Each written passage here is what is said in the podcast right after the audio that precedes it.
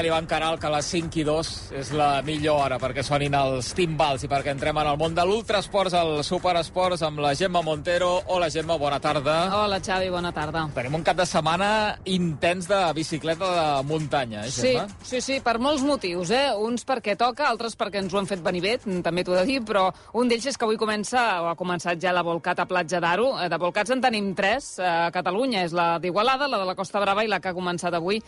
Hi ha diverses modalitats en BTT, eh? sempre està bé fer una mica de recordatori, però una d'elles és la Cross Country Marathon, eh, la modalitat marató, que diem aquí, que són competicions d'una sola volta amb recorreguts diversos, segons el terreny, el terreny doncs, òbviament, pot ser més o menys tècnic, amb més o menys dificultat, el desnivell també pot variar, però la distància són sempre entre 60 i 160 quilòmetres, el que implica el reglament UCI, i tenim proves per etapes, amb 3 o 4 dies de competició. En el cas de la Volcat, doncs, eh, són eh, dos dies, dissabte i diumenge, la Volcat, que és la primera prova a Espanya del calendari internacional, amb punts UCI. I això vol dir que també valen de cara als Jocs Olímpics de París 2024. Avui s'ha fet ja la primera etapa, ja s'ha acabat, comença ben d'hora, i abans de les 11 del matí ja teníem com a mínim el podi, amb Tom Schellekens, eh, que ha guanyat l'etapa amb 1 hora i 35 minuts, seguit d'Hugo Deschou, que és de l'equip Buf Megamo, eh, pràcticament um, 1 hora 36 i 16, i Brady Lange, de l'Scott Team, eh, doncs, eh, que ha fet 1 hora 36 eh, 16 també. En dones, Txell Figueres, ara parlarem de la Txell, ha estat tercera, i el director de les eh, sèries Volcat és l'Albert Albert Balcells. Eh, hem parlat amb ell i ens avisava de com ha de ser l'etapa de demà. És una etapa que comença doncs, amb un principi molt, molt planer, una sortida molt ràpida, i que després, doncs, mica en mica, ja va agafant doncs, les dificultats tècniques de la zona de cadiretes, on també doncs, es troben fortes pendents, eh, i aquesta segona etapa doncs, probablement acabi de decidir qui serà doncs, el guanyador de- d'aquesta Volcat Platja d'Aro 2023. Pensa que hi ha 500 ciclistes de- d'arreu, de, de 23 nacionalitats diferents. És una prova força internacional, aquesta Volcat, també les altres. I entre tota la participació, quan mires el llistat de noms, eh, n'hi ha dos que et sonen especialment. Un és l'Aleix Espargaró Home. i l'altre és el Jorge Martín, eh, pilots eh, de, de motos molt aficionats a la BTT. Sí, sí, és, no? doncs, uh, la BTT, com diem, eh, traspassa moltes fronteres i, i molts uh, esportistes d'altres modalitats i d'altres esports doncs, uh, practiquen la bicicleta de muntanya i, i bé, doncs, tant l'Aleix Espargaró com el Jorge Martín doncs, uh, són dos grans aficionats a la bicicleta i han fet els recorreguts i han fet els recorreguts per reconèixer el, el terreny i bé, doncs, uh, estan a punt per demà i de ben segur per donar guerra, perquè són dos, dos pilots de MotoGP, però dos pilots molt, molt consolidats també en, en la bicicleta de muntanya. Malalts de la bici, vaja, Sí. especialment l'Aleix, que ho va penjant totes les seves eh, xarxes, mm, eh, més penja de, de carretera que no de, Sí, de muntanya, però també també s'hi s'hi dedica, i vaja, no, no ha negat mai, o fins i tot algun dia va fer va expressar públicament, en una entrevista que, sí. que li fèiem a rac el seu desig de competir en una prova oficial, ell parlava més de, de ciclisme de carretera, De carretera, sí. i és un repte majúscul aquest, però que ell tenia, tenia al cap i jo crec que continua tenint al cap. Doncs, doncs ho farà quan, quan plegui segurament, no?, de, de, de les motos. De moment, avui, mirant, repassant una mica la classificació, l'he vist 12 d'aquesta primera etapa de la Volcat. Per tant, atenció a l'Aleix Espargaró. L'Albert Barcells, això sí, no els, incloia, no els ha inclòs ni a l'Aleix ni al Jorge entre els favorits d'aquesta edició de la Volcat. Bé, en categoria masculina doncs, eh, tenim un corredor gironí, doncs, en Guillem Cassú, que és un dels que segurament doncs, eh, estarà doncs, força endavant, però també el Xavier Ariza o l'Ismael Ventura, dins doncs, d'aquests corredors més consolidats. I en categoria femenina doncs, també una de les favorites doncs, és una corredora gironina, la Txell Figuera, i que de ben segur doncs, els hi posarà les coses molt difícils a aquestes corredores internacionals. La Txell Figueres, que forma part d'aquest equip Buf Megamo, que ara sí. Parlava la, la Gemma, un equip que està construint un projecte molt, molt interessant, molt xulo. L'equip de eh, bicicleta de muntanya vol consolidar-se aquest 2023 com a referent mundial de marató i aspirar a convertir-se en un dels millors equips en el rànquing UCI i el seu director esportiu és el Pau Zamora, amb qui hem parlat algunes Sí, vegades tant. a l'Ultra Esports. Hola, Pau, bona tarda. Bona tarda. On et trobem, Pau, eh, a tu? No, i pues jo estic una mica més lluny. Estic a la província de Huelva, al Rompido, amb una cursa que es diu la Leyenda de Tartesos, que és la, primera, la segona prova UCI de la temporada, quatre etapes, i ja en portem tres. I com van de moment les etapes per l'equip? Pues la veritat que molt bé, en categoria femenina tenim a la Suïssa la Janina Bus que ha guanyat 3 de 3, superlíder i demà ens queda l'última etapa i en categoria masculina tampoc ens podem queixar que portem el José Díaz que ha fet també podi els tres dies i després també portem a l'altre corredor que ha vingut, l'Enrique Morcillo, que va a setè de la General i tots els tres dies s'ha ficat dins del top 10. Caram. I demà per rematar-ho, què, què, què preveus, A la? Volcat, a veure. Demà a la Volcat, bueno, esperem a veure si, si la Txell pot repetir podi i a Lugo també a veure si pot repetir podi. De totes maneres, és una, una cursa que han anat per preparar perquè la setmana que ve tots dos competeixen a una altra prova UCI de quatre dies, la Mediterranean Epic, i era una mica una cursa una mica curta per nosaltres, però un bon entreno. Mm. Quants anys portes amb aquest projecte, Pau? Amb, amb el projecte del, del Buf Megamo és el segon any, però jo sempre dic que és com eh, un projecte global amb el que vam arrencar fa 12 anys. Uh -huh. Els primers 5 anys era des de, directe des de, des de Buf i era el Buf Pro Team. Després, els, cinc, els següents 5 anys, eh, ens vam ajuntar amb una marca bicis per fer el projecte molt més gran, que era el, el Buf Scott, i des de fa dos anys doncs, ens vam ajuntar amb una altra marca catalana, com és Megamo, i doncs, im- imagina't el canvi amb, do, amb 12 anys. Eh, de ser tres persones i viatjar autosuficients pel món a ser un dels millors equips del món de bike marathon. Imaginable o no? Fa 12 anys que la criatura hagués cre- crescut com ha crescut. No, inimaginable. Just avui m'ho preguntava un, un equip espanyol que estan arrencant també i els deia que amb 12 anys eh, el pressupost ha passat, cura- és 40 vegades més gran del primer any a, a ara. 40 vegades. 40. Quina és la fórmula, Sí. Pau? Bueno, eh, jo crec que al, al final eh, jo, jo crec que vam adaptar una mica la filosofia del fundador de BUF, del Joan Rojas, que sempre era disfrutar d'una bo- d'una ima d'una bona imatge, sempre, evidentment, eh, competir, mirar d'estar al davant, però per sobretot això, donar molt bona imatge, i jo crec que és, és eh, l'ADN de l'equip. Jo crec que som un referent sobretot amb això, donar molt bona imatge.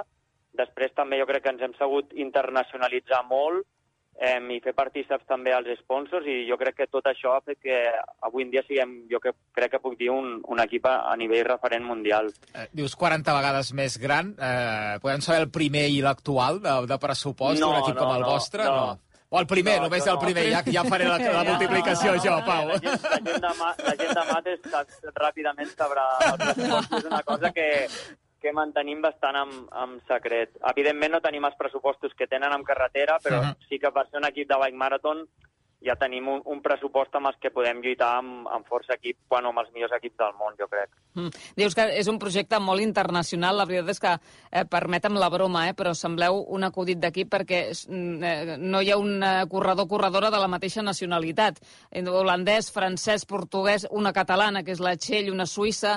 Eh, és un mercat realment molt ampli, no, el vostre?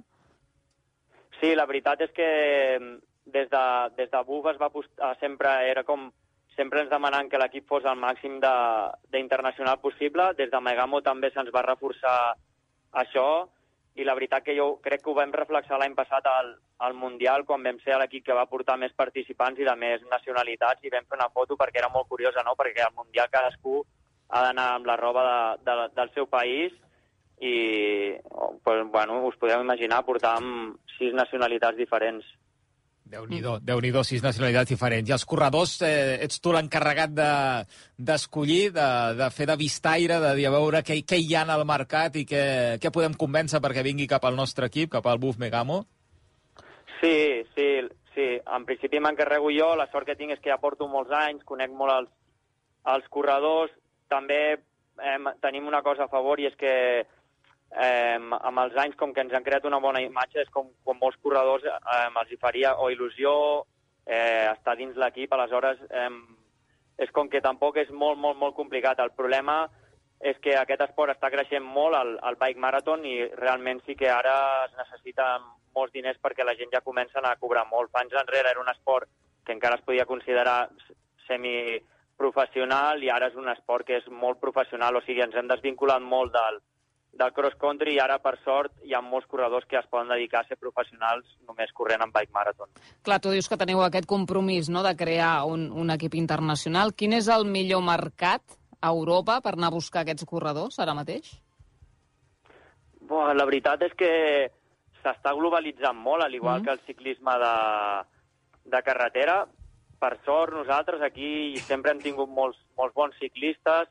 A Itàlia també és la cuna de, del bike marathon també, França també, Alemanya també és molt bon país, Um, I bàsicament és Europa. També alguns colombians, com el Leonardo Páez, que està aquí corrent, els americans ara també estan apretant, però els, són una mica els equips o, o els països que sempre han estat també amb el ciclisme a carretera. Espanya, Itàlia, França, Alemanya, una mica són aquests equips.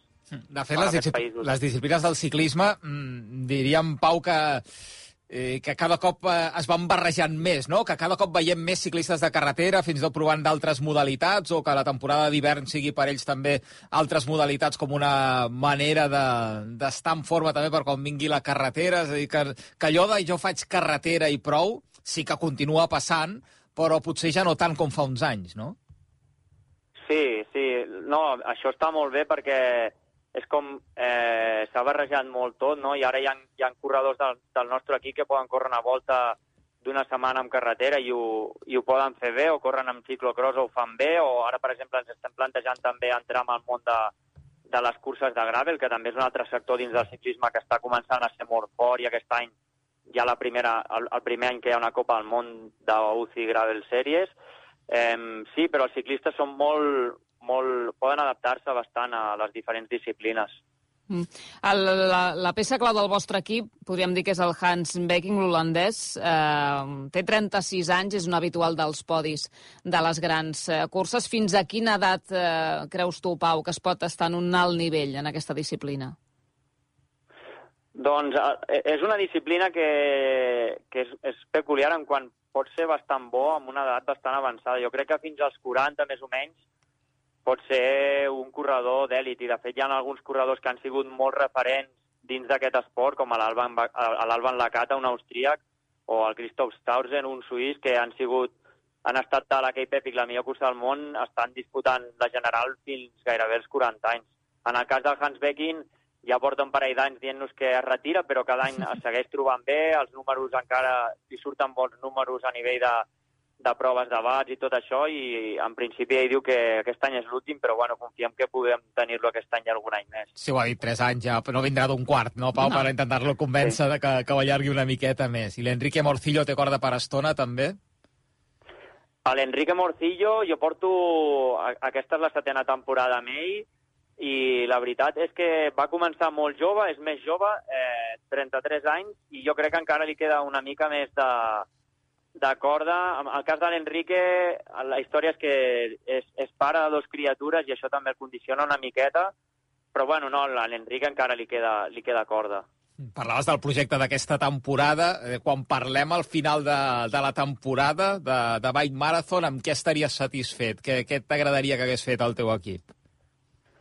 Mira, eh, per treure'ns per treure l'espineta d'altres temporades que no m'ha aconseguit eh, mai, a excepció de fa dos anys que José va treure medalla als Mundials. Jo crec que tenim l'espineta de no, no tenim cap medalla als europeus. Després, intentar lluitar una altra vegada per estar al podi a la Epic, que és la millor cursa del món de mountain bike per etapes, a Sud-àfrica, que marxem d'aquí dos mesos. I després, per què no, eh, mirar de ser el millor equip del món a final d'any dins del rànquing UCI. O sigui, que haguem sigut l'equip que està més al davant de, de tot. Però bueno, per sobre de tot això, jo crec que donar bona imatge i fer un, bons resultats globals durant tot l'any.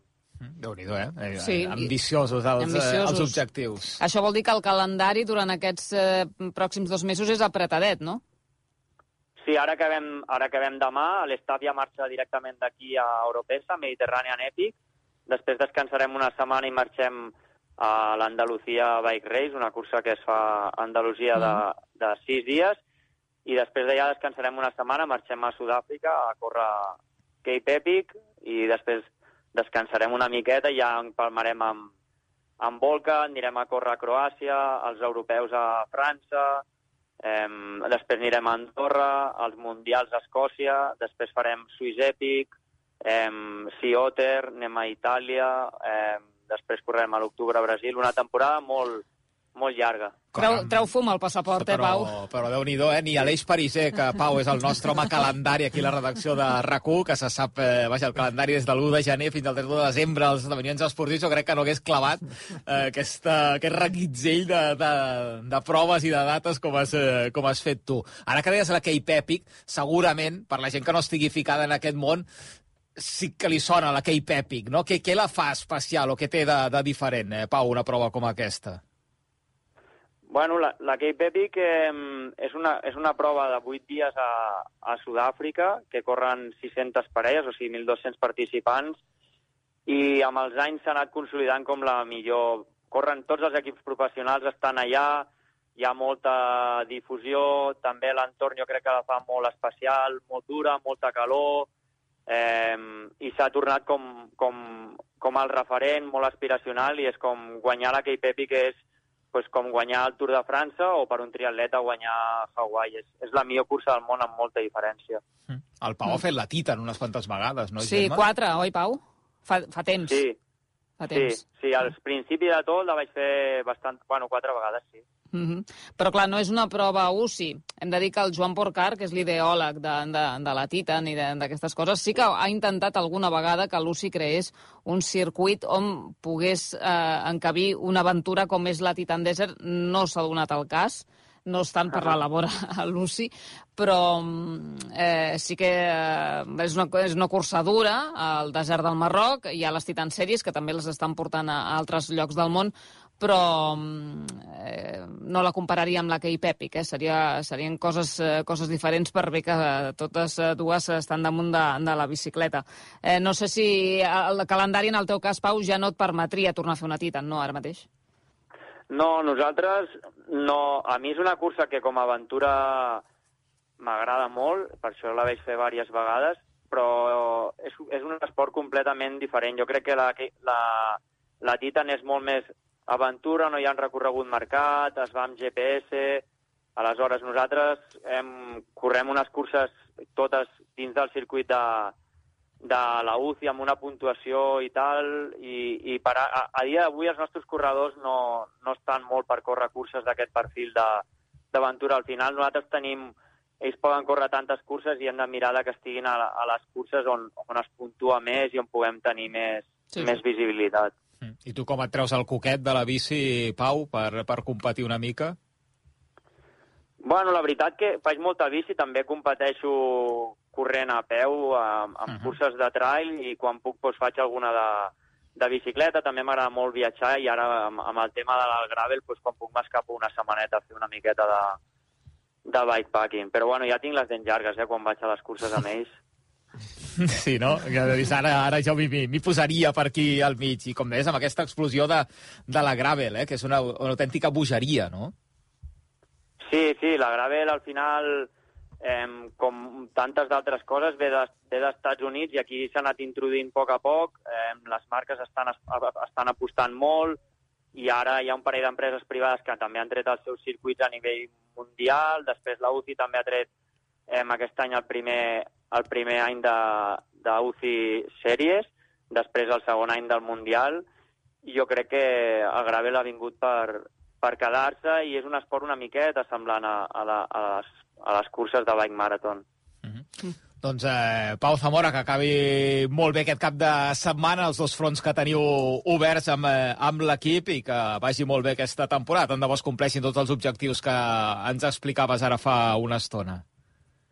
Esperem que sí. Moltes gràcies. Gràcies, Pau. El Pau Zamora, director esportiu d'aquest eh, Buf Megamo, d'aquest equip de la Bikes Marathon, eh, amb aquest doble front obert, eh, Andalusia, on era el Pau i des d'on eh, l'hem pogut escoltar, i també més a prop en aquesta prova de la Volcat que tenim a Platja d'Aro aquest cap de setmana. Parlava ara el Pau de la Titan, on ell hi va anar quatre vegades. La setmana passada ens ho deies, que tindrem sí. Miguel Indurain a la Titan Desert d'aquest 2023. També ens deies que no, no semblava sé, no sé molt entusiasmat no. Eh, Indurain amb la idea, Ai. però home, no, no l'han enganyat no. i ha anat perquè sí. vol. No, no, sí, no. A veure, jo t'explico. Uh, recordeu que l'any 2020 l'havia de fer amb el seu fill i per culpa de la pandèmia doncs no la va fer.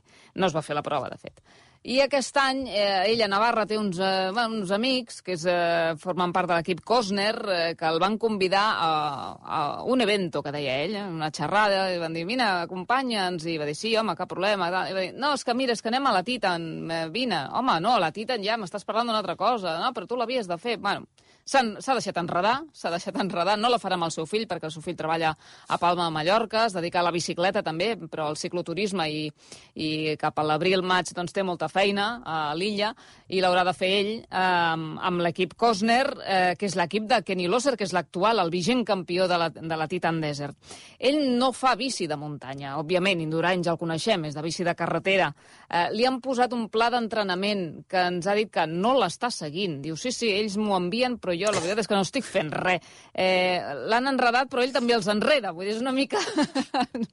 és una, una relació una mica estranya, però sí, i serà al Marroc. Eh, recordem que la prova comença el 30 d'abril i acaba el 5 de maig eh, no vol, diu que no vol competir, que ell eh, vol eh, doncs, tastar una mica això i que no ho repetirà. Eh, hem insistit molt en però si no has tastat una cosa no saps si t'agradarà i no saps si la... No, diu que no, que ja d'inici ell ja sap que això és una cosa que provarà una, una, un cop a la vida i ja està, que no li demanem més. I ell ens ho explicava així. Me gusta competir y, y ahora lo tomo pues eh, más como ver paisajes, conocer gente, eh, ver recorridos. O al final de todas las pruebas pues, no, voy a, no voy a forzar tanto, pero al final eh, si uno te pasa al otro tal, el gusanillo salta y, a tope hasta meta. Pues, aquí en la Titan vamos con la idea de, de ir despacio, pero seguro que más de un día iremos ahí a tope. El gent competitiu, eh, de tots això sí, aquests això sí, que han estat no? animals de, de la competició i que quan s'hi posen,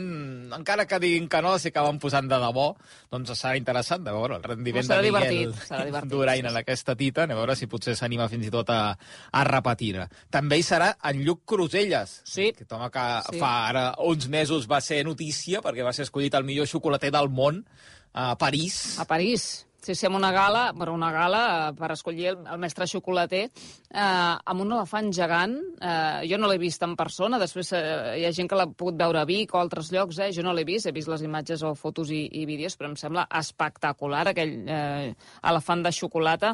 Eh, amb ell hem parlat a la presentació ara fa pocs dies d'aquesta titana, eh, titana a la seu d'Escoda aquí a, a Barcelona, a veure com s'ho fa això d'un mestre xocolater al desert, tot i que ell fa bicicleta des de ben petit, eh? per tant ja sap on s'hi on s'hi fica. A veure si està més entusiasmat que Miguel Indurany, Lluc Cruselles, mestre xocolater i també la Titan. Jo, Cruselles, bona tarda. Hola, bona tarda. Per què aquesta aventura? Bé, al final el ciclisme sempre ha estat el meu, el meu gran hobby, a part de, del meu altre gran hobby, que és la meva feina. Havia competit de petit també amb, amb ciclisme de carretera i, i la Titan era una mica la, la carrera idíl·lica no? per, per tot amant el ciclisme, on convius amb professionals, eh, amateurs i aficionats, i, i era una mica un somni que, que ara es farà realitat. Però, clar, la carretera i el desert de, de, del Sàhara no s'assemblen gaire. No sé si a, a Riu Primer, a Santa Eulàlia de, de Riu Primer, teniu alguna cosa semblant? No, no tenim desert, no tenim desert, però sí que molta bici de muntanya, evidentment, també som, som terra de, de, ja una mica de, de pre-Pirineu, així que combino les dues modalitats i, i ganes de fer-ho. Um, tu debutes a, al Marroc, no sé si coneixes la zona o has estat al país. He estat al país, però de passada, i, i no he viscut ni he vist mai el desert com, el, com el viuré, sí que és una mica una por, però també una sort i content de, de poder anar de la mà de- d'en Malció i l'equip KH7, que, que amb una mica de pautes i fa que no vagi, suposo, tan perdut els, els primers dies, sobretot. El Malció és un malalt, eh, d'això. Total, total, un malalt i, i m'està donant molts consells, al final també és això, no tenir algú a, allà amb qui recolzar-te i que et doni consells pel, pel dia a dia. Allà um, passes per alguns eh, petits pobles de, de, de la zona de Marzuga, per exemple, o d'altres llocs, i els nens, quan veuen el comboi de la Titan, demana bonbon. Demana que li donem una mica de xocolata. Això, eh, no, no sé si em portaràs reserves. És una mica difícil amb les temperatures que hauràs de suportar allà. No en portaré de reserves a sobre, però sí que és veritat que estem preparant alguna cosa xula pe- pels participants perquè puguem gaudir de bona xocolata al desert. Una llaminadura, una miqueta de calories, una mica de sucre. Una miqueta, una miqueta. Per tu, quan entrenes, què és el, el que acostumes a menjar? Com, com et tapares l'estómac? Bé, intento, evidentment, uh, anar bé d'alimentació sempre i controlar-la sempre, m'ajudo de- d'un nutricionista, però ja pel dia a dia també, i al moment de fer esport, pues, que, que no falti de res, uh, de normal, evidentment, barretes, uh, gels, segons l'entrenament, però sí que intento tenir una mica de control i no ficar qualsevol cosa al cos. Però la xocolata és, una, és un aliment habitual també a la teva dieta o no? Potser no. Sí, per sort, eh, no només quan faig esport, sinó el dia a dia eh, n'haig de provar i em provo i sí que és un aliment habitual i quan faig esport, evidentment, també l'introdueixo. Dius que fas ciclisme de carretera des de fa molt temps, no? Fa molts anys. Quin és el teu ritme d'entrenament i com t'has preparat per això? T'estàs preparant encara? Intento, evidentment, l'últim any que hi havia el concurs de Mundial de, de va ser una mica més fluixet a nivell de, de preparació, però però a nivell de, doncs ara intento doncs, uh, combinar-ho, combino amb, amb gimnàs, una, una mica de, de físic i, i bici, molta bici, moltes hores, moltes, moltes hores, totes les que puc, perquè crec que tants dies, tants quilòmetres, al final és, és fondo i, i que evidentment no vaig a guanyar-la, vaig a disfrutar-la, a poder acabar, viure l'experiència i viure-la intentant uh, patir el menys possible. Saps que la Titan, a banda de, de les dunes, de la sorra, del desert, també és convivència, són les jaimes, eh, són, és la navegació, per exemple. En aquest sentit, què tal? Bé, eh, la veritat és que és un, és un tema que m'agrada, tema navegació, eh, orientar-me, veure què passa, i la convivència també. O sigui, tinc moltes ganes de poder viure aquells dies allà, que no només sigui el anar amb bici, conviure, el que et deia, tenim una sorpresa molt, molt divertida per, pels participants que farà que, que ens unim encara més tots i que visquem uns dies inoblidables. Eh, de 0 a 10, quines ganes tens que arribi això ja? 11.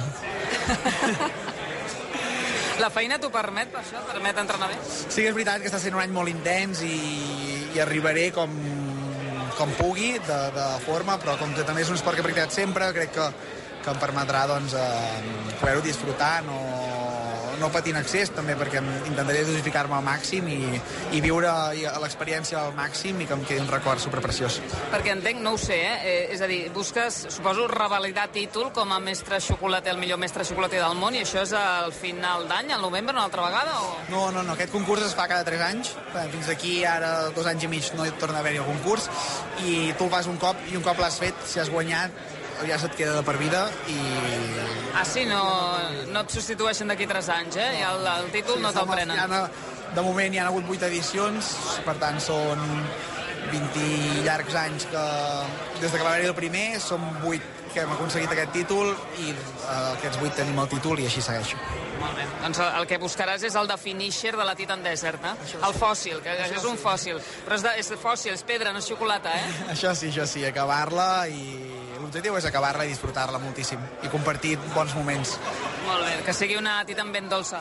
Moltes gràcies. Gràcies. En Lluc Cruselles amb la Gemma Montero el dia de la presentació de la Titan. Home, ara tinc curiositat per saber aquesta sorpresa que portarà per tots els participants. Home, mm. em, em, em puc imaginar cap on Sí, deu anar. home, sí, sí. Vull no crec que Sí, els hi no, porti un no fuet. serà- No. no, no, no. De fet, aquest dia que el vam veure i ens van donar uns bombonets eh, que posava mm. Titan Desert. Ves que no De sigui... pista. Sí, de pista. Home, jo per posats a imaginar una bicicleta gegant de xocolata, no? Per Home. exemple. Sí, sí, sí. sí. No sé com dur-la fins allà, això sí, però... Doncs un home polifacètic, la bicicleta des de fa molts anys eh, que també l'acompanya, el Lluc Cruselles, i que tindrà aquest repte de ser finisher de la Titan Desert. Passen 3 minuts de dos quarts de sis, Glenn Miller està a punt? Sí, som-hi.